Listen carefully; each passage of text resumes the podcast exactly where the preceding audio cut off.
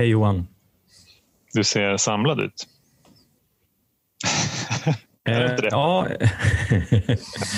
jag försöker hålla ihop den här måndag, måndagen. Eh, jävligt mycket på jobbet och eh, så kommer det in ett samtal om alkoholism här mitt i alltihop. Vilken mm. jävla uh, ynnest. Ja, det är väl, det är väl perfekt timing. Ja, jag. precis. Jag får slippa den jävla stressen som, som är där ute och eh, få sätta sig här och varva ner, prata med dig och en spännande gäst idag. Ja. Det ska bli kul. In, innan vi släpper in den spännande gästen så vill jag dela med mig av en reflektion som jag fick precis. Och det var det, här, det oerhört provocerande citatet att, här, kring meditation. Det var någon, så här, någon, någon, någon yogi som, eh, som sa att så här, ja, men du ska meditera 20 minuter per dag. Och har du inte tid med det, då ska du meditera en timme per dag. Ref, mm. liksom, om, ju, ju, mer stressade vi är, desto mer behöver vi nog den här pausen och reflektionen som ju känns mm. ibland helt omöjlig att få in. Men eh, när vi väl tar den så märker vi att ja, men det här var ju bra. Det var exakt det jag behövde. Nej, men det är intressant eh, för Jenny hon frågade mig precis här innan om jag hade lust att eh, köra morgonmeditation med henne. Mm. Och jag bara direkt, ja, det är klart att jag ska göra det. Men vänta, imorgon funkar det inte riktigt för då måste jag till jobbet och sen på onsdag har jag det där. Och, sen på, uh.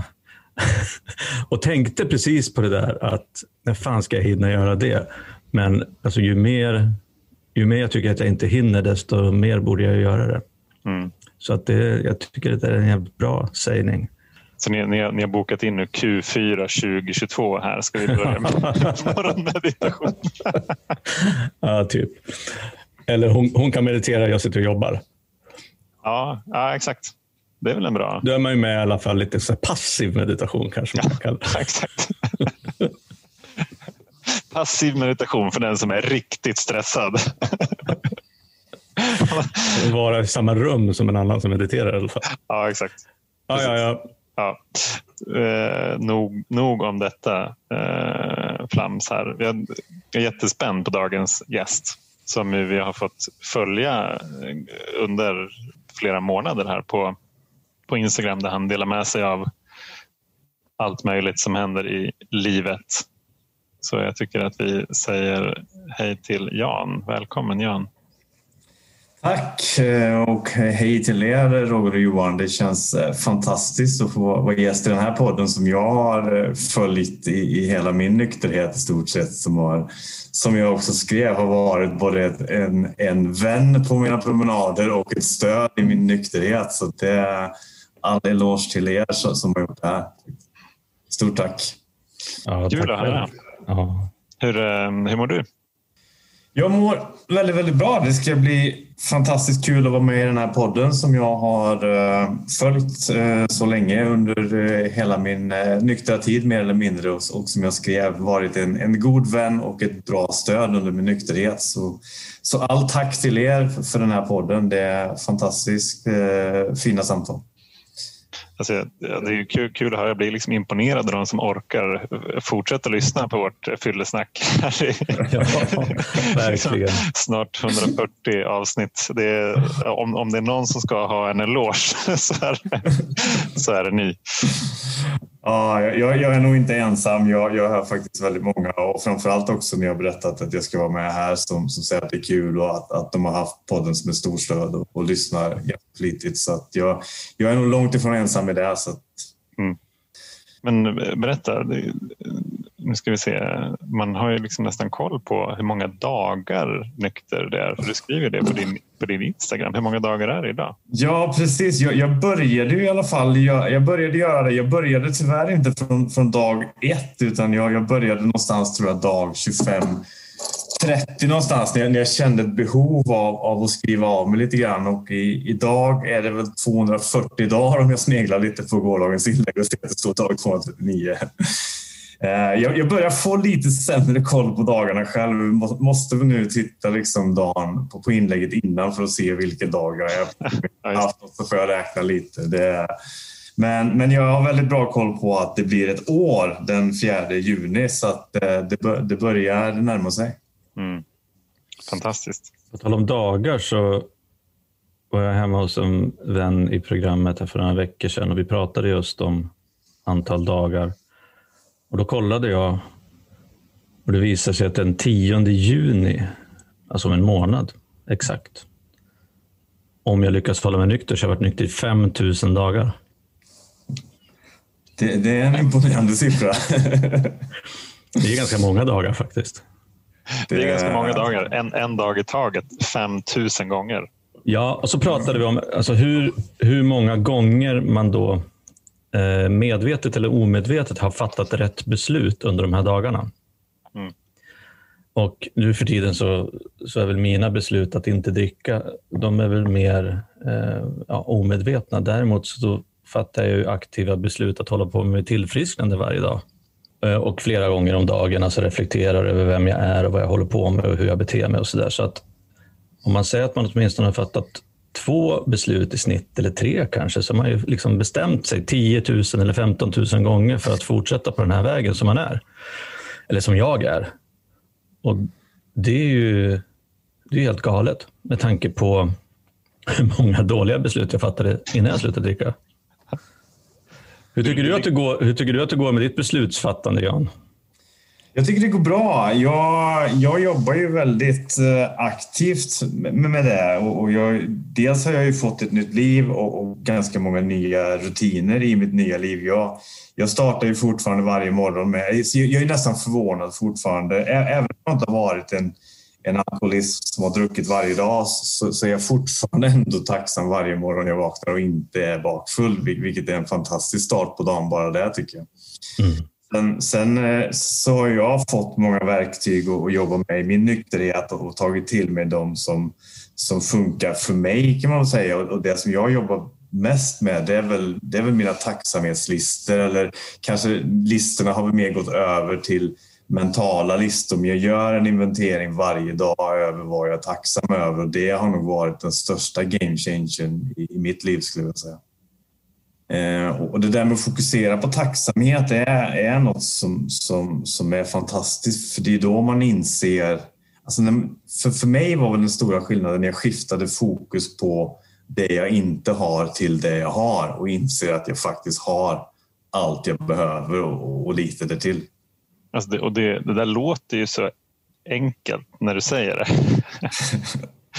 Eh, men jag, jag, vet ju med mig själv att det kan vara ganska svårt att få till det, speciellt när jag är van vid att kolla på allt jag inte har. Men när jag väl de gångerna som jag, som jag får till det där så inser jag också att det, det, mm, det omkullkastar lite grann så här, vad det är att vara rik. Inser jag. Men, tidigare så kunde jag liksom jaga ja, men, pengar till exempel och det blev ju aldrig tillräckligt mycket. Medan nu så känns det som att jag är rik eftersom jag inte behöver så mycket. Ja men precis, det, det, det är exakt, exakt så det är och det, det är den känslan som är, som är så fantastisk och jag, jag kan ju bara hålla med. Jag har ju spenderat väldigt, väldigt många år av mitt liv och, och jagar den här eh, ja, men pengarna, statusen och, och den lyckan i den livsstilen som, som jag trodde gjorde mig lycklig på den tiden. Så att, eh, eh, har fått lite perspektiv från det nu och inser vad, vad som egentligen är viktigt så, så, så känns det som att man har, man har varit ganska fånig men, men man får förklara sig med att det var den sanningen man hade då och den, den visionen av lycka. Men vad heter det, jag är jättenyfiken. Vi, vi, vi måste backa bandet lite. um, hur var det det började för dig? Ehm, ja, det, det är frågan om man ska ta den långa eller korta versionen, men, men, men någonstans så får jag väl börja där det är relevant. Jag, jag, är, ju, jag är ju inte göteborgare från början. Jag är ju uppväxt i en, i en värmländsk liten eh, bruksort och eh, har väl till, till skillnad mot kanske många andra gäster i den här podden haft en, en väldigt bra uppväxt. Jag, säga. jag kommer från, från, från väldigt bra förhållande, en, en eh, väldigt kärleksfull mamma, en, en pappa som, som har varit fantastisk. Eh, växte upp i ett samhälle där alla känner alla lite grann, har på mycket med, med hockey, men ändå liksom känt, haft den här känslan lite grann att jag aldrig har ja, men känt att man har passat in 100 procent någonstans. Och det, det är väl, har jag väl lärt mig efter den här podden och efter andra vänner som också är nyktra att det är väl ganska, ganska vanligt men eh, när man har haft den här sjukdomen. Sen, sen så tror jag också att som, som, som barn så, så växte jag upp i, jag ska inte säga stadsdel för, för det, den här bruksorten är väl inte tillräckligt stor för att kalla det stadsdel men, men jag, i en, en, annan del av orten än, än, än de flesta av mina kompisar i hockeylaget och de, och de som jag umgicks med. Jag tror att det, det gav mig lite grann en, en utanförkänsla tror jag när, när jag var yngre. Och jag, jag började också hänga med, med några killar på gatan som, som var tre år äldre än mig som jag umgicks mycket med parallellt med mina hockeykompisar. Och det här gjorde väl också lite grann att jag jag var också väldigt tidig med, med många saker, framförallt sådana som man inte ska göra eftersom jag, jag gjorde allt första gången med mina tre år äldre kompisar. Eh, så, så jag, jag, kommer så väl ihåg när jag drack första gången. Då var jag bara 13 år och det, det känns helt eh, superkonstigt med, med tanke på att min äldsta dotter nu är 13 och att, att hon skulle dricka känns ju fruktansvärt eh, avlägset. Eh, och och jag, jag gillade väl, väl att dricka redan den gången även om jag inte reflekterade så mycket över det. Det var väl mer bara att jag drack för mycket, kräktes och fick åka hem till mamma med svansen mellan benen och, och, och, och, få, och få söka lite hjälp och stöd. Liksom. Ja. Hur, hur, var, hur var själva upplevelsen då? Jag kommer ju ihåg att, att, att känslan var ju helt fantastisk det, det, redan då. Alltså det här att men att man kunde liksom kliva utanför sig själv lite grann och, och, och, liksom, ja, och man, blev, man, man blev förändrad på ett väldigt, väldigt positivt sätt upplevde jag det som. Och det där blev tydligare för mig några år senare när jag, när jag gick på, på högstadiet, framförallt nian när det började bli betydligt mer fester och, och, och ganska ofta på helgerna. Och, då, då kände jag ju väldigt stort drag till drickandet på grund av att det gav mig ja, men dels den här, jag vågade prata med tjejer på ett annat sätt. Jag, jag blev lite grann en, en annan person och, och, jag tror också att jag tyckte själv att jag var jävligt cool när jag drack eftersom jag, jag var mycket mer erfaren på det än, än mina jämnåriga vänner. Och det gav mig också lite grann, jag fick känslan också lite grann att, att det gav mig dels en väldigt skön känsla och också lite grann en, en kick av bekräftelse att jag trodde att jag var ganska cool och att jag, jag mådde väldigt, väldigt bra när jag drack. I mm. alla fall så, så länge jag kommer ihåg, för, för det blir slut nästan alltid med minnesluckor. Liksom. Men det, det, är det där som är så alltså, intressant. Om man ska ta, om man ska ta ett, ett kliv tillbaka och kolla på själva upplevelsen. Det var därför jag frågade. Uh. Där, att i, jag, menar, jag har haft sam, samma, samma typ av upplevelse. att så här, ja, Det är någonting som innehåller liksom, minnesluckor, jag spyr, mår dåligt. Men det är också någonting som ger mig så oerhört positiva effekter så att, så att de väger upp det där som annars liksom isolerat hade varit en hemsk upplevelse.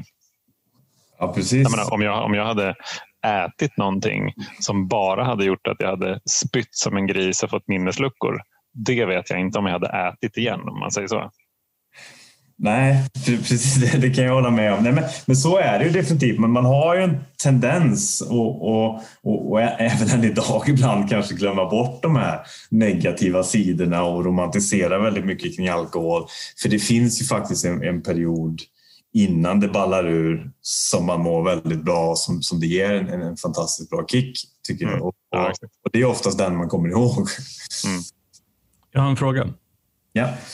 Um, när du drack, då, när, både när du var yngre och sen senare i livet, tänkte du att du var annorlunda um, jämfört med alla andra? Det vill säga att du kanske fick en annorlunda upplevelse, att du tålde alkohol på ett annat sätt? Eller, eller tyckte du att, trodde du att du drack och hade samma erfarenheter som alla andra människor runt omkring dig? Eh, alltså nej, inte när jag drack. Jag, jag, märkte ju ganska tidigt att det alltid blev mer knas för mig när jag drack än, för alla mina kompisar och att jag alltid blev fullast. Mm det, det, var väl någonting som, som jag, alltså jag... Det gick ju liksom inte att undvika och reflektera över på det. Sen, sen så drog jag väl inte så större växlar av det att det där är förmodligen någonting jag kommer växa ifrån. Liksom. Eh, att det där är väl något tillfälligt i mitt liv nu. Och jag, jag hade ju också en, en, en period där på, på gymnasietiden som, som var en, kanske en av de tuffaste perioderna i mitt liv när min, min mamma gick bort i, i cancer när jag var 19 hade ganska svårt att bearbeta de känslorna och drack väldigt mycket och, och, och kopplade nog mycket problematiken till det där att jag alltid blev fullastad och alltid blev knas till, till det där tror jag, som något slags försvar. Du menar att du hade råkat ut för någon typ av trauma? Ja, precis. Att, att det var därför jag, jag drack oftare än andra. Att det var därför jag, jag, jag alltid blev fullare än alla andra. Alltså, jag skyllde lite grann på den händelsen tror jag. Jag tycker att det är så fascinerande att, att prata om det här därför att ju, ju längre ifrån min egen aktiva period som jag kommer, desto mer har jag fattat att jag inte alls reflekterade över att jag var annorlunda. Jag fick ju ofta höra att jag alltid blev fullast, men jag slog bara bort det och det gick inte in. Jag, fick, jag gjorde massor med galna saker, men jag tyckte att mina kompisar var ungefär likadana. Så att jag trodde i princip hela min aktiva tid att alla andra eh, drack som jag gjorde, ville dricka som jag gjorde och hade eh, samma, eh, att alkoholen hade samma effekt på dem. Vilket gjorde att jag, alltså, jag fattade ju aldrig liksom att jag hade problem förrän det var väldigt, väldigt sent liksom, i min karriär. Så jag, tycker att det, jag tycker det är spännande att prata med människor som tidigt liksom insåg att det var någonting som var annorlunda. Eh, ja. Och ändå inte... eller jag kan känna igen mig just det att man försöker liksom sopa under mattan eller tänka att det kommer gå över eller nästa gång blir det annorlunda. Men eh, jag tycker det är så roligt för att det har ju fått mig att inse att men jag, var ju, jag var inte alls så. Jag, var ju, jag upplevde det här på ett, på ett annat sätt. Och Jag tycker att det är en viktig signal också att skicka ut till folk som lyssnar. Att Alltså alkoholister eh, är ju individer, även om vi lider av samma sjukdom och många av oss har hittat liksom en gemensam lösning. Så tänker vi på olika sätt, känner på olika sätt, beter oss på olika sätt och eh, förnekar saker på olika sätt eller accepterar. Så att jag tycker det är jätteroligt att, att eller roligt och roligt, men det är eh, intressant och spännande att prata med människor som, som inte tänkte som jag gjorde. Ja, precis. Det, det, det, det är det. jag, jag, kan väl, som, som du sa, där, att jag, jag reflekterade ju på att jag var annorlunda, men jag reflekterade ju inte på att det var fel. Nej, Nej jag fattar. Snarare något som jag, jag kommer växa ifrån eller ja går över. Sen, sen, blev det väl också mer normaliserat för, för någonstans där under sista delen av nian och gymnasietiden så sökte jag mig också till andra bekantskaper där, där folk, ja, där, där mina nya vänner var mer som jag skulle jag säga.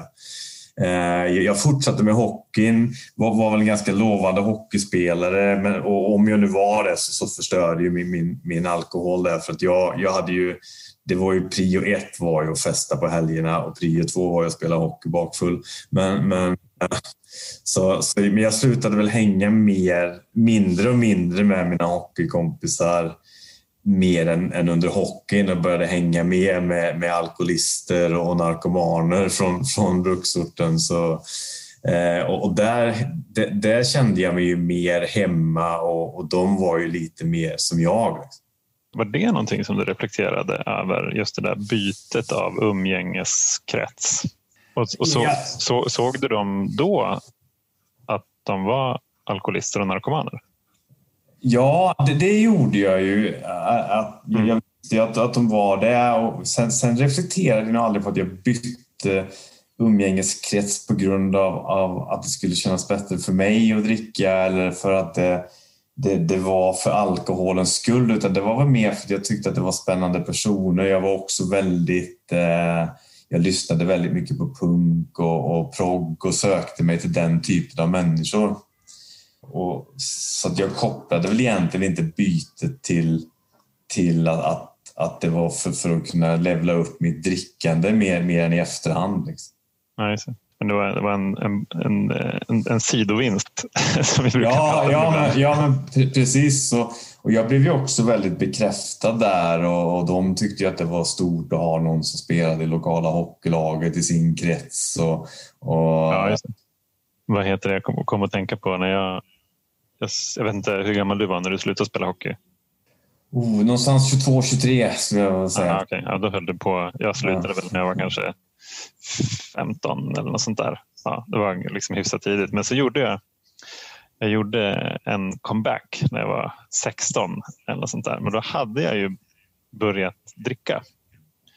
Eh, och det var just en, en träning som var på en lördag har jag för mig. Så då var jag, jag och en kompis Jonny var riktigt bakfulla båda två. Så att jag, jag gick ut i, i någon form av halvtidsvila, tog en cigg och, sen så, och sen så kom jag aldrig tillbaka in på planen. ja, riktigt så här mediokert. Eller det var ju ett, ett katastrofal, en katastrofal comeback kan man säga. Ja, alltså sen för mig så var väl också hockeyn ytterligare en, en anledning att dricka på ett sätt också. För för jag kom ju ganska tidigt upp och började träna med A-truppen och de äldre. Och det fanns ju många där också som var alkoholister skulle jag vilja säga, eller hade i alla fall eh, ett stort behov av att dricka. Det var alltid spritlotteri på fredagsträningen och det var liksom öl i bastun och, och man drack och gick ut efter. Sen var väl skillnaden att jag jag drack väl med de andra och, och sen när de åkte till, till den lokala krogen så drog jag hem till mina alkispolare och, och hängde där. Liksom. Eh, så, så att hockeyn var ju också ganska fostrande när det gällde alkoholen och den kulturen när, när man kom till åldrarna också skulle jag vilja säga. Ja, och hur såg resan ut sen då? Du, du, du måste ha hållit på några år. ja, sen, sen höll jag på sådär några år. Jag, jag gick ut gymnasiet som elektriker i, i Sveriges största byggkris där 93 någonstans. Eh, ryckte in i lumpen och då, då, hade jag, då hade min mormor också gått bort. Jag hade fått ärva hennes lägenhet så jag var den enda som hade eget boende i, i den åldern. Så, så alla, eh, alla lumpakompisar och kompisar, det var ju liksom det var ju bara öppen dörr och fest hos mig fredag, lördag, söndag och så tillbaks. Liksom. Eh, och så där höll det på ungefär i, i två, tre år med, med, väldigt mycket knas och skaffade mig ett ganska dåligt rykte i den här lilla, lilla orten som jag kommer ifrån. Så, så någonstans där 96, 97 var det väl så, så tog jag beslutet tillsammans med, med två tjejer som jag delade lägenhet med på den tiden att, att flytta. Ehm, på, på vinst och förlust skulle jag säga, men jag, jag kände lite grann att ja, men nu, nu måste det till en förändring. Jag, jag måste komma härifrån för här är mitt rykte så dåligt så här är jag liksom ändå körd på något sätt. Eh, och då flyttade vi till Göteborg. Och det blev väl bättre av den anledningen att man var mer anonym och att, att man inte hade ett rykte med sig som, som halvalkoholiserad gangster. Eh, men festandet fortsatte ju. Det, vi, vi vi var ju tre stycken som delade lägenhet på Hisingen. Vi, jag lyckades få ett jobb ganska tidigt, jobbade som telefonförsäljare. Eh, men, men det var ju varje helg så var det ju liksom fest hos oss och vi lärde känna andra människor. Alltså, alltså, som nyinflyttad till en stad som Göteborg så, så blir ju ett umgänge, det blir ju andra nyinflyttade från andra så här, hålor i Norrland och Dalarna och runt omkring byggde väl ett ganska stort nätverk med, med folk som gillade att festa och det, det var väldigt, väldigt mycket party. Um, det låter ju askul. Ja, det, alltså det, det, det, är klart att det var en kul period i, i, i, mitt liv. För det var mycket fest och det var, det var mycket människor. Men samtidigt var det också det, det blir också väldigt förknippat med skuld och skam när man efter varje fylla har en handfull människor man måste verkligen be om ursäkt och, och man har ställt till så mycket grejer och förstört saker hos folk. Och, alltså det, till, till slut så blir det ju... Ja, någonstans så så det är klart att, att själva festandet var kul, men, men det förde också med sig väldigt mycket känslor av, av skuld och skam. Det här med att alltid bli personlighetsförändrad. För, för det har ju varit signifikativt över hela min, min, eh, mitt liv som, som alkoholist. Att, att jag har ju blivit totalt personlighetsförändrad när jag har kommit över en viss gräns. Och, och sen har det agerat ut på olika sätt beroende på situation. Men allt från att jag har slagit sönder saker till att jag har betett mig väldigt illa mot människor. Eh, varit notoriskt otrogen i, i mina förhållanden och, och, och kraschat. Så att, eh, det, det är klart att det har ställt till mycket. Eh, det har det. Och sen, sen, så fortsatte väl det där. Jag, jag betade av några flickvänner, några sambos, flyttade några gånger men, men slutade väl oftast på samma sätt. Det var alkoholen eller min rastlöshet som, som, som förstörde det. Sen, jag hade också ett, ett jobb på den tiden. Jag, jag började 2000, eller 1998 tror jag till 2004 där jag jobbade som säljare på ett företag som, som vände sig med, med... Vi sålde kylmaskiner till olika återförsäljare i Sverige där mitt, mitt jobb i stort sett gick liksom ut på att vara ute och supa med återförsäljare en gång i veckan. Jag var ofta nere till Italien, till fabriken, torsdag till söndag med kunder och det var liksom fullt party hela vägen och det, det var ju liksom den kategorin unga kunder vi hade och unga återförsäljare som gillade att dricka, de, de ville ju verkligen åka på de här resorna med mig för då visste de att då blev det verkligen oförutsägbart och det blev party och det hände alltid saker. Alltså jag, jag har ju tänkt ja. under, under flera år att, så här, att jag skulle vilja ha ett sånt jobb där, där det, där det var, skulle vara så mycket eh, representation och mycket fester och så som ingick i själva jobbet. Ja, ja, och för mig var det ju living the dream på den tiden. Alltså som 25-26-åring, singel, med mina vänner. Hur fan fick du ett sånt jobb? Liksom? Sen innebar det också väldigt många månader på hotellrum där man fick liksom börja dagen med, med att tömma minibaren för att orka hålla ihop det på den här resan. Eller, eh, också, man fick ringa ibland och be kunder om ursäkt och, och så här. Så det, det är klart att, men, men det var väl ett, ett jobb där jag verkligen fick utlopp för, för min alkoholism och för mitt drickande på, då kändes det ju som, som, ett fantastiskt jobb, i alla fall över en tid. Men, men i efterhand så ser jag som att det var bara en, en knuff i, i den riktningen. Sen, sen gick det ganska fort också därför för 2004, 2003 där ungefär, när, när, sista året på det jobbet så träffade jag också en, en eh, tjej som vi var tillsammans med som också hade alkoholproblem och vi, vi levde, vi bodde inte ihop men vi var tillsammans i ja, kanske lite mindre än ett år men det, det var extremt hektisk tid och det var väldigt destruktivt och där kände jag verkligen att, att mitt drickande började levla upp. Jag började experimentera med droger på ett sätt som jag inte hade gjort innan. Även om det inte har varit med stora last så så det började jag testa du vet, lite kokain, amfetamin och, och där var det nästan så att jag, där kunde jag verkligen känna så att det här är farligt för det här kan jag bli riktigt hooked på. Jag höll mig väl, försökte hålla mig undan men det blev väl en del.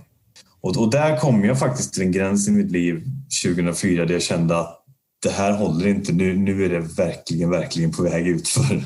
Eh, så, så då förändrade jag mitt liv på, på, på det sättet jag kunde, eller det sättet jag visste då. Så att jag, jag träffade en ny tjej som, och, som hade precis det jag sökte då. En civilekonom, väldigt eh, trygg, stabil eh, tillvaro, bra svärföräldrar med, med eget företag och, och, och, en fantastisk tjej på alla sätt. Och det, var ju ex, det här är ju min biljett ur det här. Det, det är exakt mm. det här jag behöver.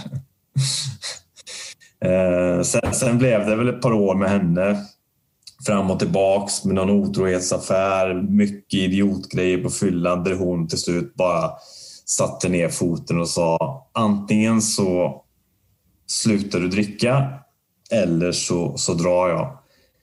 Och, och det, det, är väl också ganska typiskt för en alkoholist. För, för när man har den skuldskam eller den här skulden som man alltid har som alkoholist så vill man ju all, göra allting så jävla bra när man är nykter. Så att jag istället för att bara dra mig ur det så gick jag faktiskt med på det. Jag lyckades förhandla mig till så att vi, vi kunde dricka vin på, på fredagsmiddagen men max två glas för det visste jag att den gränsen kunde jag hålla innan, innan det ballade ur. Liksom, eller innan, jag, innan det, det enda målet blev att dricka mer. Och det där höll jag faktiskt ihop i ja, säkert fem år från, från 2006 till 2011. Oj. Med, med, ja, med, med undan, två glas vin på fredagskvällar med undantag för konferensresor eh, där, där, jag passade på kan man säga. Ja, men, mm. Tog några öl till middagen, ringde och nattade henne klockan tio och sa att ja, det är tidig dag imorgon, nu måste jag, nu måste jag gå upp. Sen, sen ut på fest, eh, fyllde cell och så ringade vi nio på morgonen. Ja, jag hade lite bråttom till första mötet. Så här. Men allt var liksom. Så nä, nästan dubbelliv eh, på det sättet. Men, men, i övrigt så höll jag ihop det. Vi, vi fick ju två fantastiska barn under tiden och det gav ju också fokus på något helt annat. Sen, eh, sen, sen var det väl där 2011, fem år senare, då, eh, då kände jag väl lite grann att ja, men det, det, det är klart att det var en jobbig period. Jag, jag gick väl nästan fem år på, på vita knogar du vet, och höll mig nykter för familjen och, för förhållandet. Samtidigt som jag, jag bytte kanske beroende till och jag jobbade ju liksom 60 timmar i veckan. Eh, vi köpte jättestort hus och vi, vi köpt, jag köpte finare bil och större, större julstjärna än grannen och, och, och det racet och, och, gick väl all in på det istället. Ja. En fråga. Ja. Eh, jag känner igen mig jättemycket i det du berättar nu om att liksom hålla i handbromsen på hemmaplan och eh, ja, passa på när jag inte var hemma. Men eh, jag lyckades ju liksom inte hålla ihop det utan ja, hittade ju tillfällen att dricka då jag liksom ändå var ensam. Jag har ju berättat i podden till exempel om att jag fick den lysande idén att dricka när jag körde bil och på semester att jag gömde öl, påsar med öl i buskarna när jag skulle ut och jogga. Såna saker. Lyckades du att eh, klara dig från på vita knogar att inte göra sådana dumheter under de här fem åren? Ja, faktiskt. Det, det, kom sen kan jag säga, men, men, men just så, så klarade jag det där ja. väldigt, väldigt, bra. Jag, jag hade också en, en, en fru på den tiden som, som jag tror hade hade konfronterat mig direkt om hon hade märkt att jag hade luktat någonting eller så här, och, och var väl ganska rädd för de konsekvenserna tror jag. Mm. Um, så, så det gick. Men, men sen det, det är klart att när det var konferenser eller när jag åkte och hälsade på min pappa själv i Värmland så kunde det vara så att jag tog någon whisky med honom när han hade somnat så söp jag hela natten och han fattade ju liksom när jag kom upp dagen efter och var helt väck.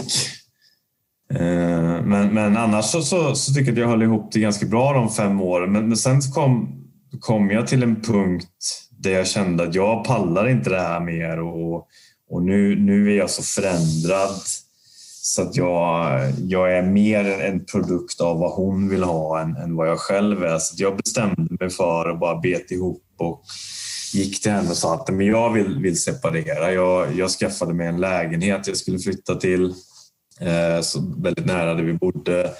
Gjorde klart allting och, och, och det var helt och Jag sa att jag, jag klarar inte det här. Liksom.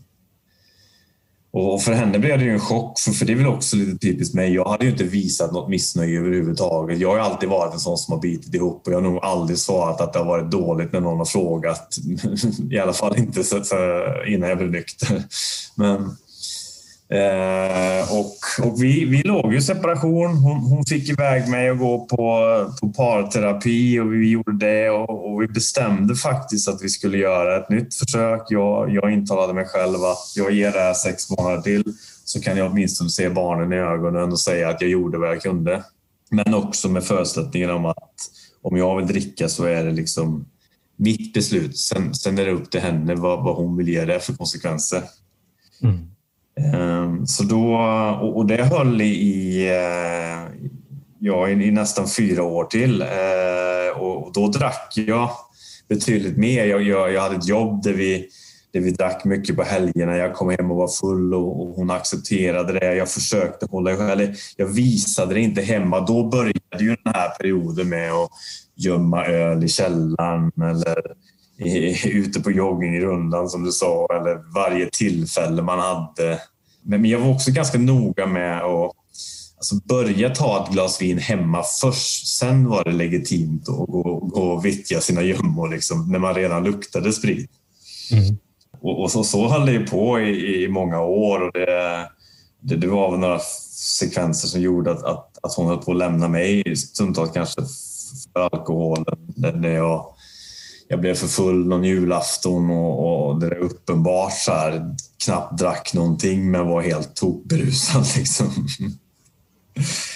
eh, och sen så, ja, det, det höll på så. Sen, eh, sen 2015 så, så separerade vi på riktigt. Eh, och det var ju också då mitt beslut, för det, det, var, det var inte bara med alkoholen utan jag, jag levde i ett förhållande med en, en, en, kvinna som, som har ett väldigt stort kontrollbehov och jag med min skuld och skam kring alkoholen som är liksom adaptiv som en,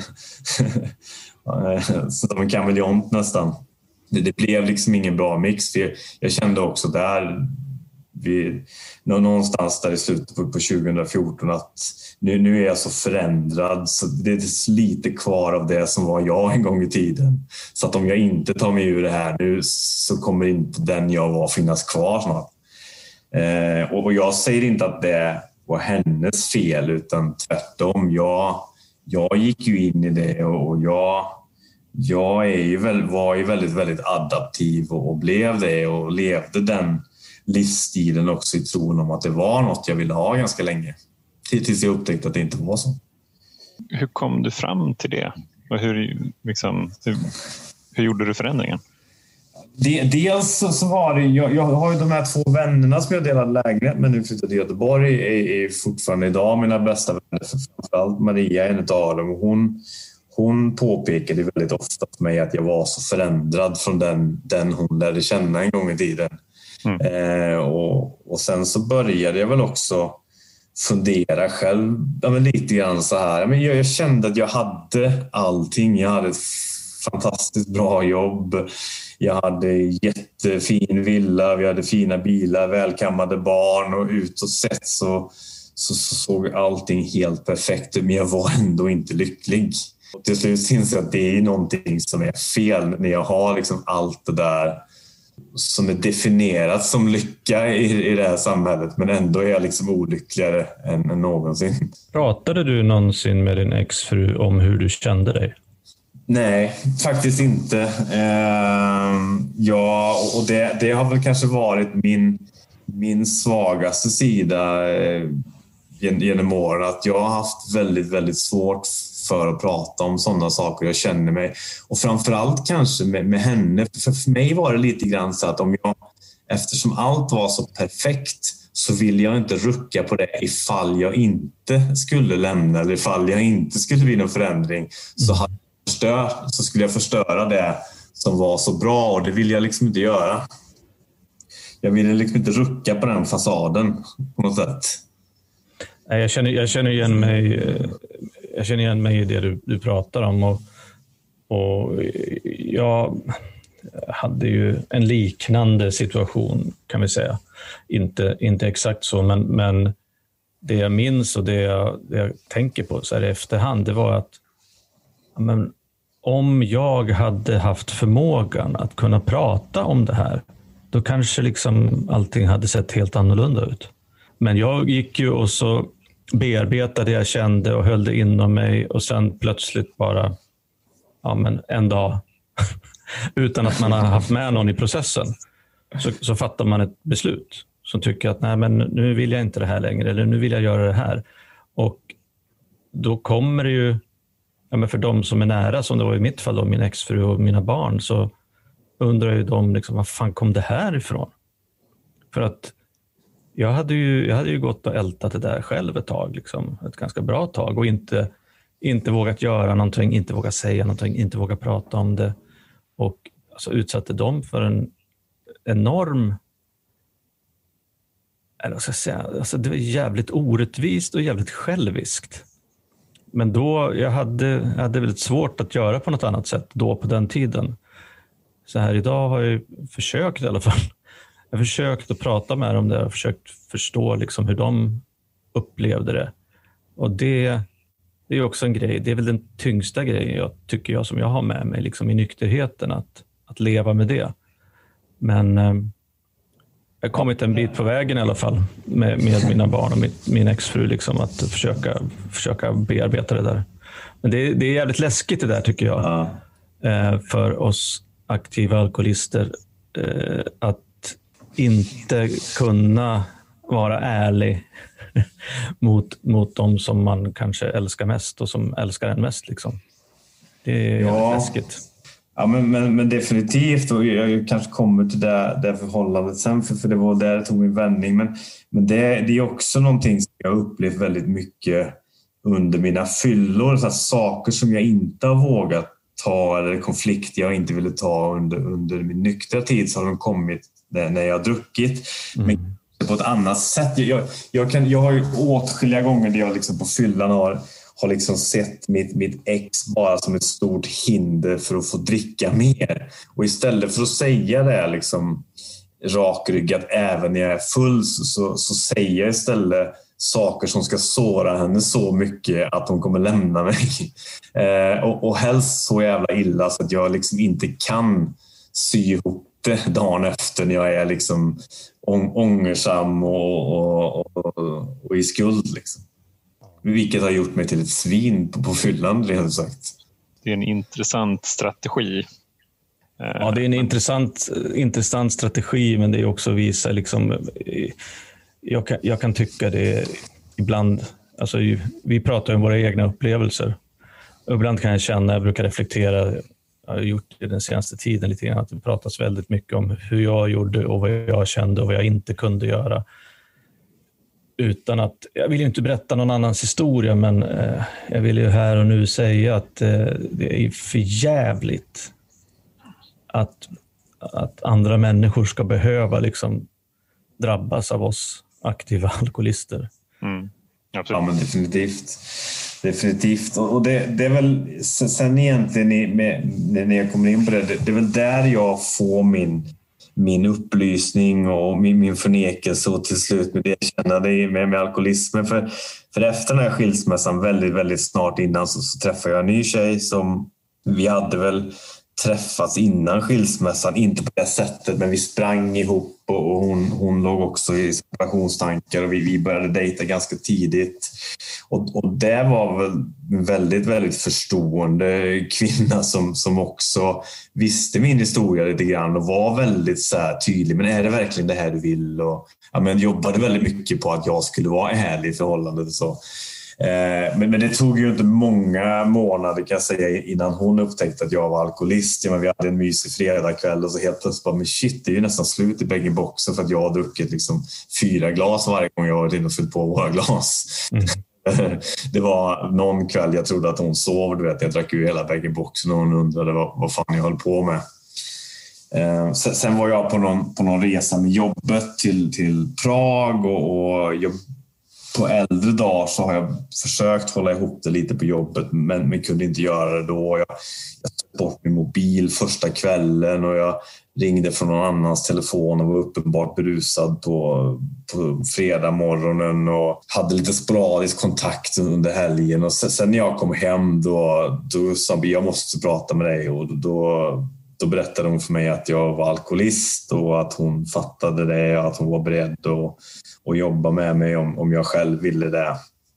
Eh, jag, jag, tyckte ju fortfarande inte det och, och jag, jag höll ju inte alls med om det utan jag, jag visade ju, jag var ju nykter i fem år i mitt förra förhållande. Det, det hade jag ju inte kunnat nästan, det hade jag inte kunnat vara om jag var alkoholist och jag dricker ju inte varje dag och jag dricker nästan bara på helgerna och så här och jag, jag försöker inte dricka när jag har barnen.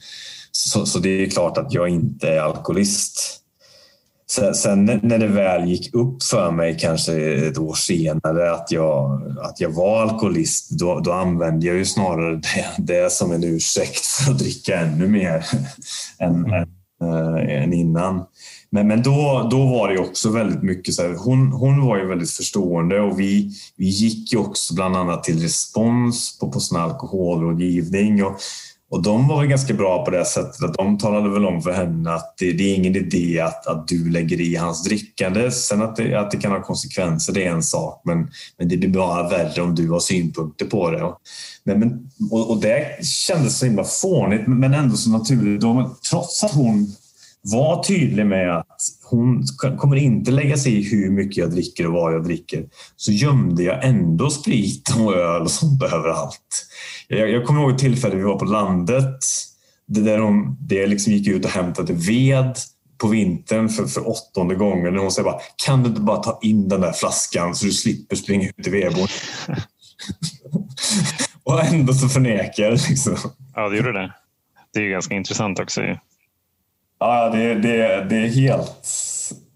Det jag, jag, jag, kan, jag kan liksom inte... Ja, det kändes helt naturligt på den tiden. Idag kan jag, jag kan ju bara skratta åt det, men, men det, är, det är väldigt intressant. Ja. Men hur, eh, hur, hur, hur gick det då? Uh, ja, men, men det, alltså det, det var ju väldigt mycket fest på den tiden. Jag, jag tog ett beslut tillsammans med henne att jag, jag dricker inte de veckorna jag har barnen. Eh, och sen så försökte jag begränsa. var hon fine med att jag drack en kväll eh, de veckorna jag inte hade barnen. Jag brukade oftast dricka på lördagar för visste jag så att om jag, om jag ska dricka på lördag då, då kan jag vara nykter på fredag med vetskapen om att jag ska dricka på lördag och så kan jag börja tidigt.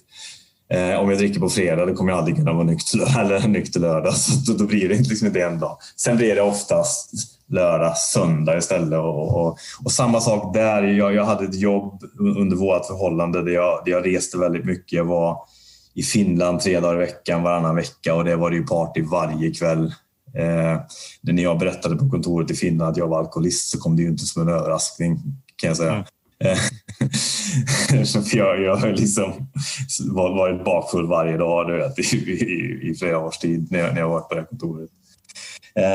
Um, och, och, så håller det på. Men, men det blir också så här, trots att det, det, var ett förhållande som jag kanske stundtals ville ta mig ur så gick inte det. För, för det där har varit, varit ganska signifikativt för, för mina förhållanden. Att fast jag har velat ta mig ur så har jag inte gjort det för att man, man är så fast i den här skulden så att man, man klamrar sig liksom fast eh, i det och man, man har något slags konstant dåligt samvete som man vill försöka Eh, reparera när man är nykter eh, och vara en, en, fantastiskt bra man. Så, så, men, men, min vändning kom väl egentligen när vi, när vi separerade i, i oktober 2019 av helt andra anledningar. Vi hade, vi hade barn från andra förhållanden i olika åldrar och det funkade inte riktigt att få ihop familjen. Jag var nog en väldigt stor del i det. Jag, jag, när jag ser på det i efterhand så tycker jag själv att jag var jag var snål och jag var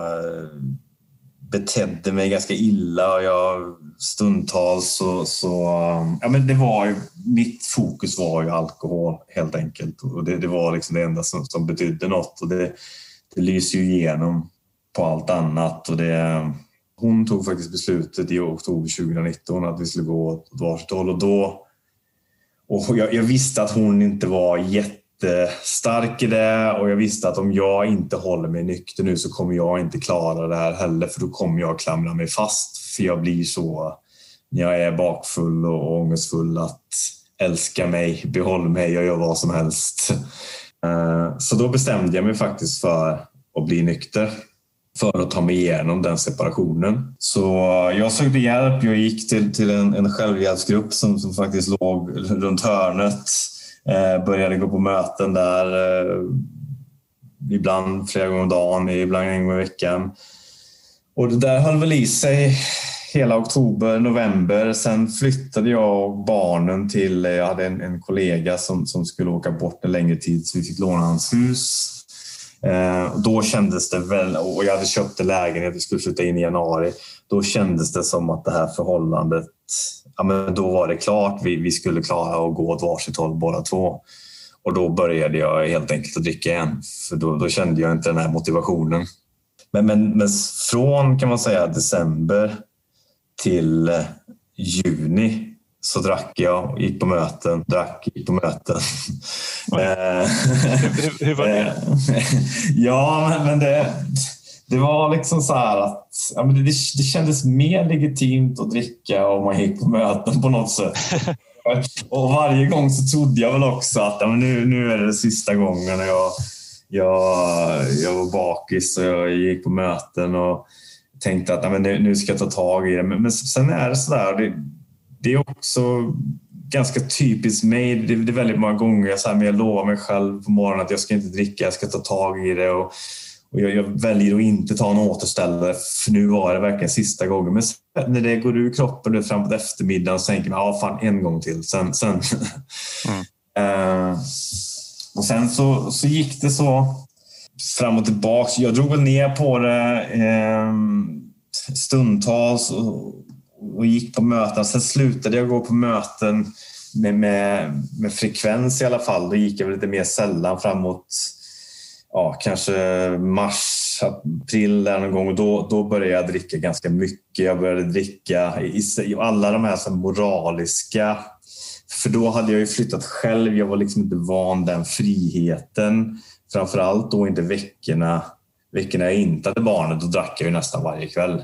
Sen, sen jag mig nykter oftast på dagarna när jag jobbade. Sen, sen kom corona i mars. Då blev det ganska mycket enklare att och, och, och ta någon öl de, de sena mötena eller något glas vin utan att det syndes.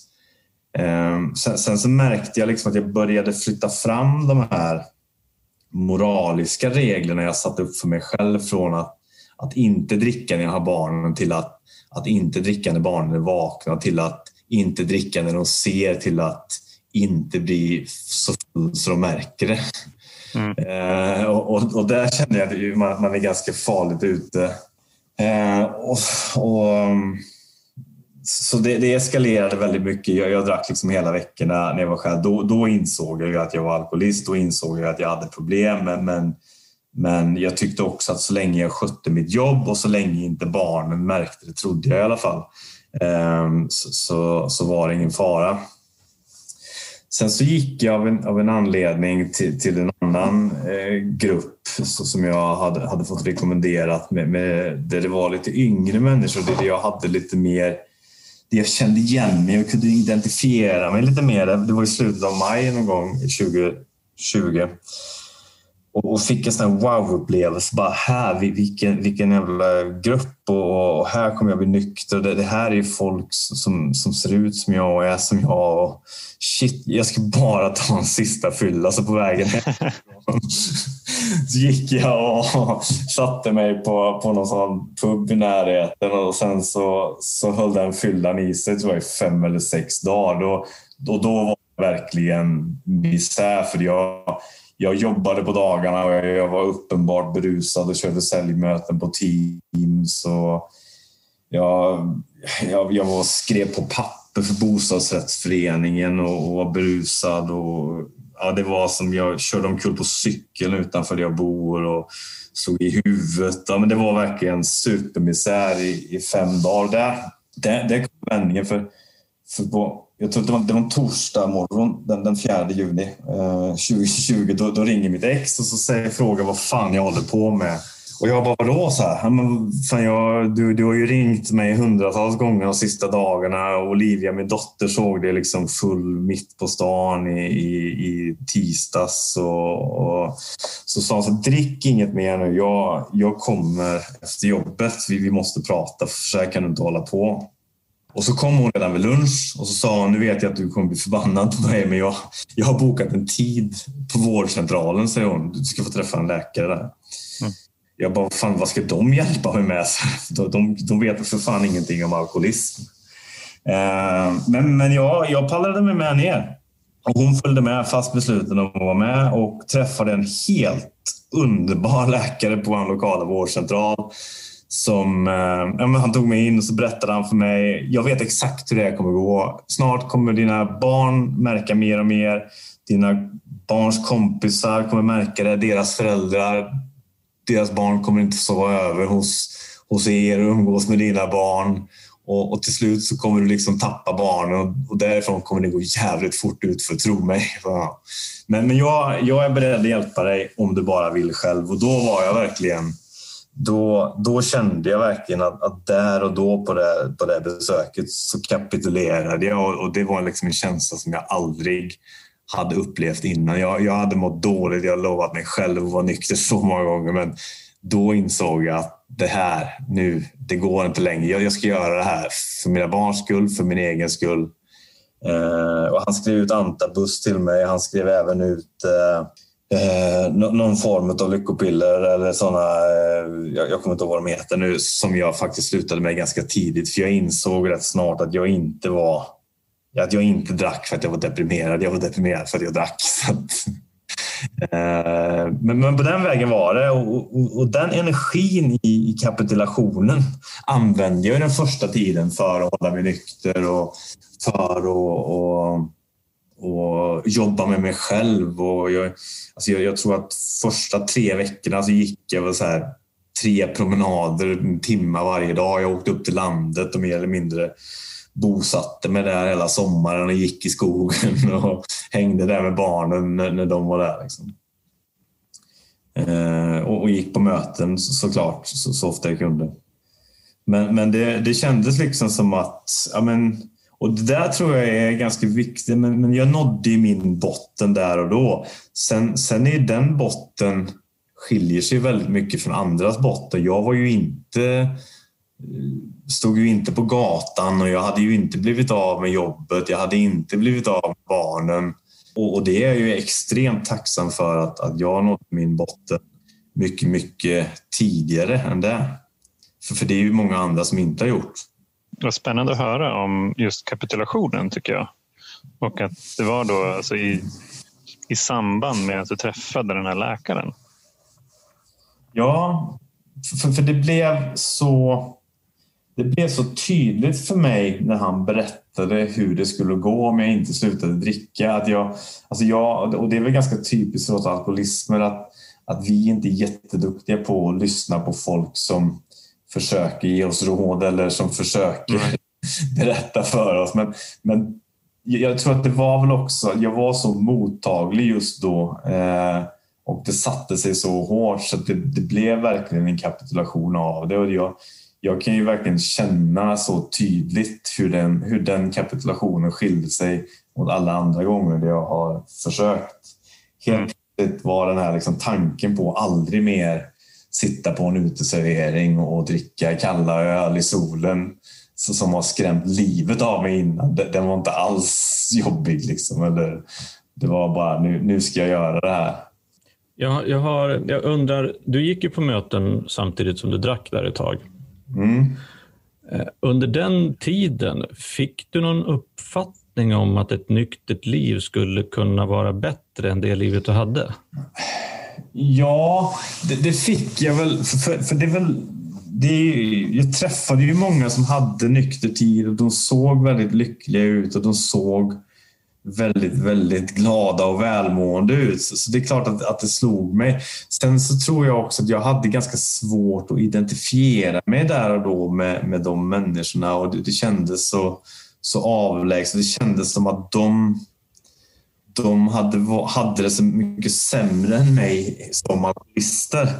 Jag har alltid försvarat mig det här, men jag, jag har ju ett, ett fantastiskt bra jobb och, och, och jag bor bra och jag har mina barn. Och, så, så, så det är inte så farligt ställt med mig. Liksom. Nej. Och eh, sen eh, efter den här, vad var det, 4 juni? Var det så?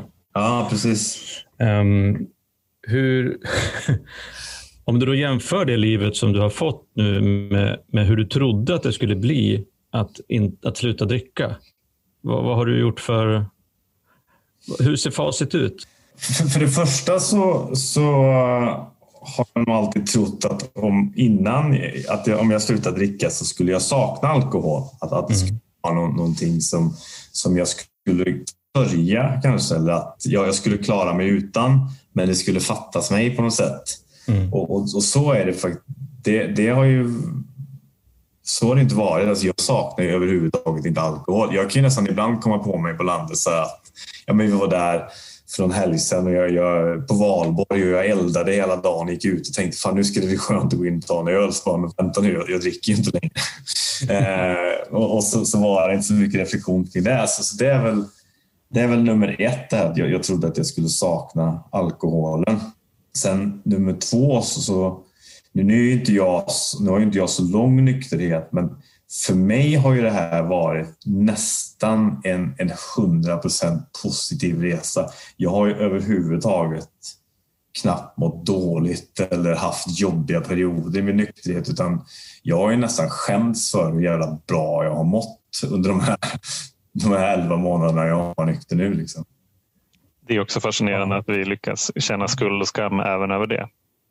Ja, jo, men lite så. Jag har nästan suttit när man varit på möten ibland och så här, nästan bett om ursäkt. Jag ska dela för nu kommer det nog bara något riktigt jävla positivt igen. Alltså jag, jag, jag, jag kommer faktiskt tror ihåg. att jag sitter där och ljuger. jag kommer ihåg när jag var, när jag var på möten ja, men liksom första, första veckorna. Och så hade jag någon svacka så var jag så sjukt provocerad över alla som hade det så fruktansvärt bra i sin nykterhet. Som var så jävla tacksamma över hur bra, hur bra deras liv var. Och så har jag såklart själv dragit några sådana delningar. Och grejen är att vi behöver ju höra det. Alla behöver höra det. Alltså hur, hur bra man kan ha det. Tänker jag.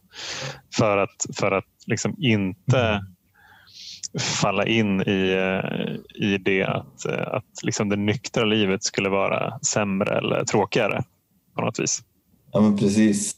Jag tycker att det är så sjukt, eh, alltså, miraklet i att på mindre än ett år och förmodligen mycket kortare tid för dig då, att gå ifrån ett läge där det livet du har nu inte ens fanns på kartan som ett alternativ till att tänka att ja, men det kommer att vara, alltså, ja, jag kanske måste sluta dricka, men ja, jag får väl vara tråkig då, resten av livet.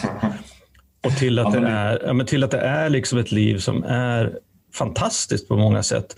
Och just att den här förändringen kan ta ganska kort tid.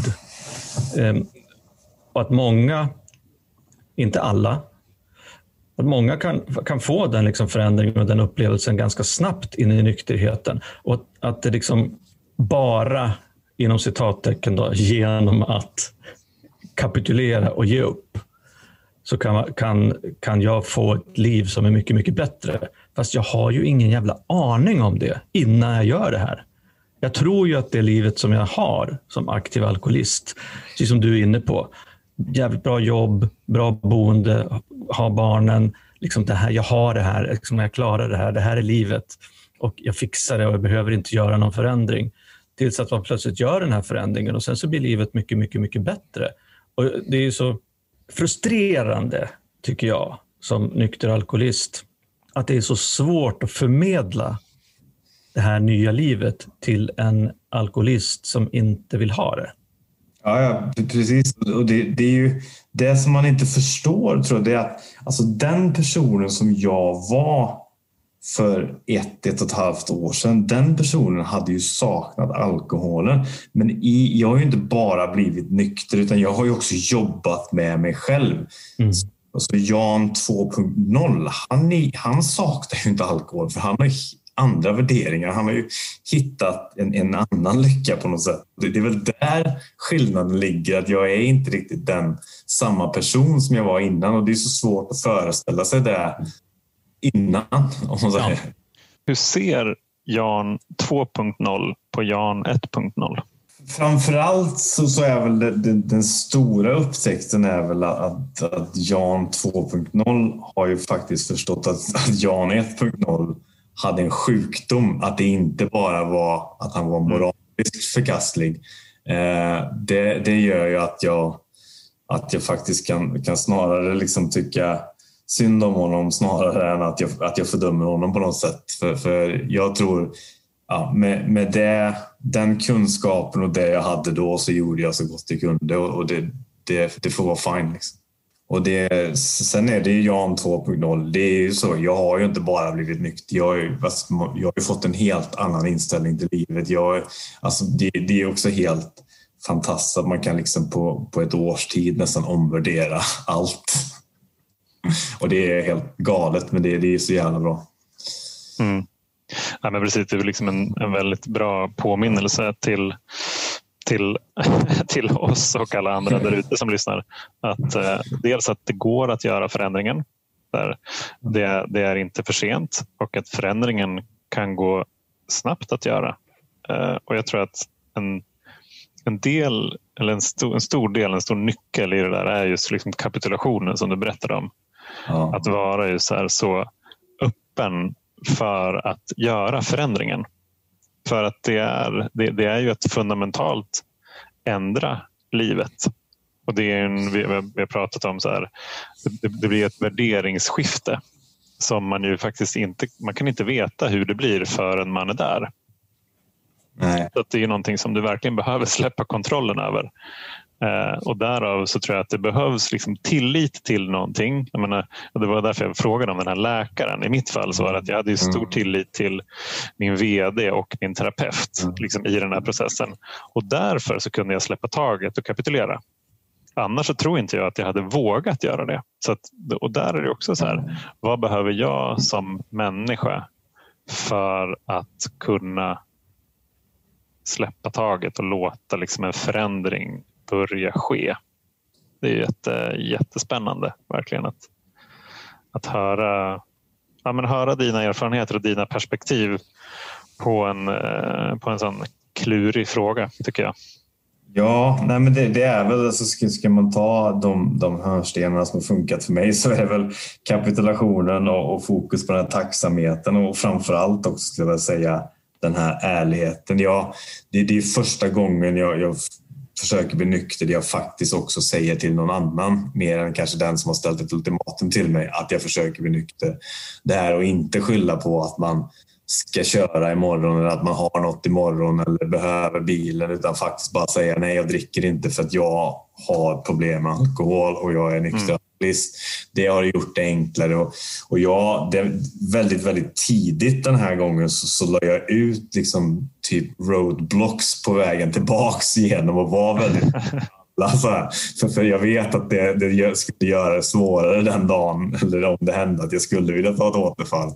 Mm. Så jag var väldigt tidig. Jag kommer ihåg, det, det var kanske en av de mest nervösa stunder i, i mitt liv. Men, men jag, samlade, jag hade en konferens där jag hade alla mina anställda i det teamet jag hade på den tiden i Stockholm. När jag hade tre månader där jag inledde konferensen med att jag vill bara berätta en grej. Att jag, jag är alkoholist. Jag har tagit hjälp. Jag jobbar med det. Jag har varit nykter i tre månader. Jag vill bara att ni ska veta det och, det betyder mycket för mig att ni vet det. Jag fick sån jävla kärlek tillbaka av det. Jag, jag hade samtal med en, en av de killarna som jobbar i teamet häromdagen och han, han direkt ja, men, men, men först är det viktigt, hur går det med nykterheten? Fan vad bra jobbat. Vet. Det var, många som kom fram och sa att de var stolta över mig som chef som, som verkligen vågade, vågade stå upp för det. Och det, det var andra som kom och sa att de också borde fundera på vad de dricker och hur de dricker. Liksom. Fantastiskt att höra ju att, eh, att, att responsen är liksom kärlek. Ja, precis. Det, jag har varit superöppen. Även med mina barn har jag varit superöppen. De har varit med mig på möte vid ett tillfälle. Jag hade ganska tidigt efter min nykterhet också en, en orosanmälan på mig just efter den här veckan innan jag blev nykter. Det är det jag hade kaosveckan, då jag faktiskt inte hade barnen. Men det var någon granne som hade sett mig och ringt socialmyndigheten och var orolig. De visste att jag hade barn och, och jag hade liksom varit så jävla packad i några dagar. Det, det var ju också en, en ganska rolig historia kring det här. För jag, för min första reaktion då det var ju också liksom att bli förbannad. Liksom. Fan, nu när jag precis har blivit nykter och får det här, gå på orosanmälan och, och träffa socialen med barnen. Och jag, min, min granne, jag, jag bor i en bostadsrätt med, med det, det tre lägenheter, en stor villa och, och Ingela som bor under. Jag hade varit nere på fyllan och skrivit på papper och så här. Så jag, jag var så jävla förbannad på henne för, för att hon hade liksom skickat socialen på mig. Men jag tänkte jag måste... Men, men sen lugnade jag mig och det blev ett väldigt, väldigt bra möte med socialen. Det var bra att barnen fick reda på det det var bra att min exfru fick reda på det. för nu har jag kunnat, nu, sen dess har jag varit väldigt öppen med barnen. Så, och så var det liksom semestertider så jag skulle egentligen tacka Ingela för det där så, men jag fick inte tag på henne så jag skrev ett jättelångt sms till henne där jag skrev så att ja, men först blev jag lite arg på dig men jag förstår att du gjorde det här för att du är orolig för mina barn och det är väldigt fint och jag är extremt tacksam över det men jag, nu går jag på möten, jag har varit nykter i tre månader, jag och så skrev jag ett jättelångt sms så fick jag svar så bara, ja men det är jättefint, bra att du har tagit tag i det här med alkoholen, men, men det var faktiskt inte jag som ringde. det är sant. ja.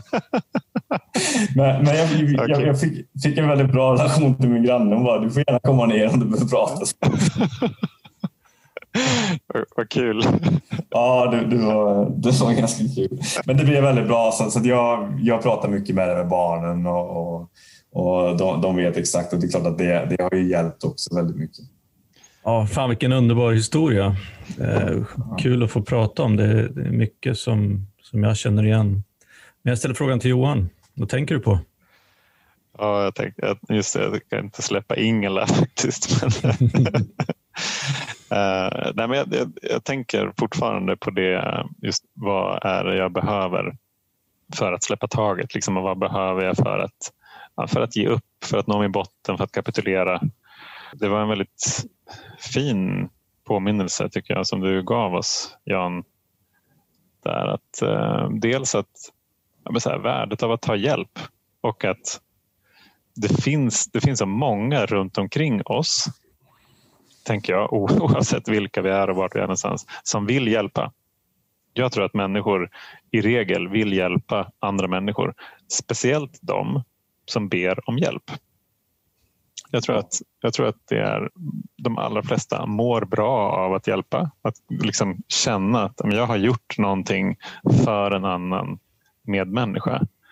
Um, så att så här, om ni känner att ni inte klarar det här själva och det gör man inte, här, be om hjälp. Uh, och Det kan vara liksom den mest, den mest oväntade personen som, som kan ge den här hjälpen. Menar, för, för min del så har det varit liksom min VD som gjorde det och sen så har det varit många andra vänner liksom under nykterhetens gång såklart. Men det finns ingen hittills som inte har hjälpt mig gladeligen när jag har bett om hjälp. Eh, så det är också en påminnelse till mig själv om att jag ska inte vara så snål med andra om att be om hjälp. Tänker jag. Vad, eh, vad tänker Roger på?